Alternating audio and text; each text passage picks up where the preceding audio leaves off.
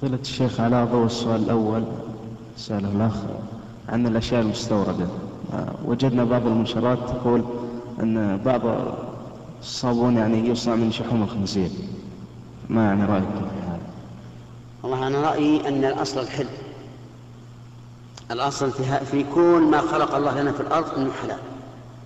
لقول الله تعالى هو الذي خلق لكم ما في الأرض جميعا. فإذا ادعى أحد أن هذا حرام لنجاسته أو غير أو غيرها فعليه الدين.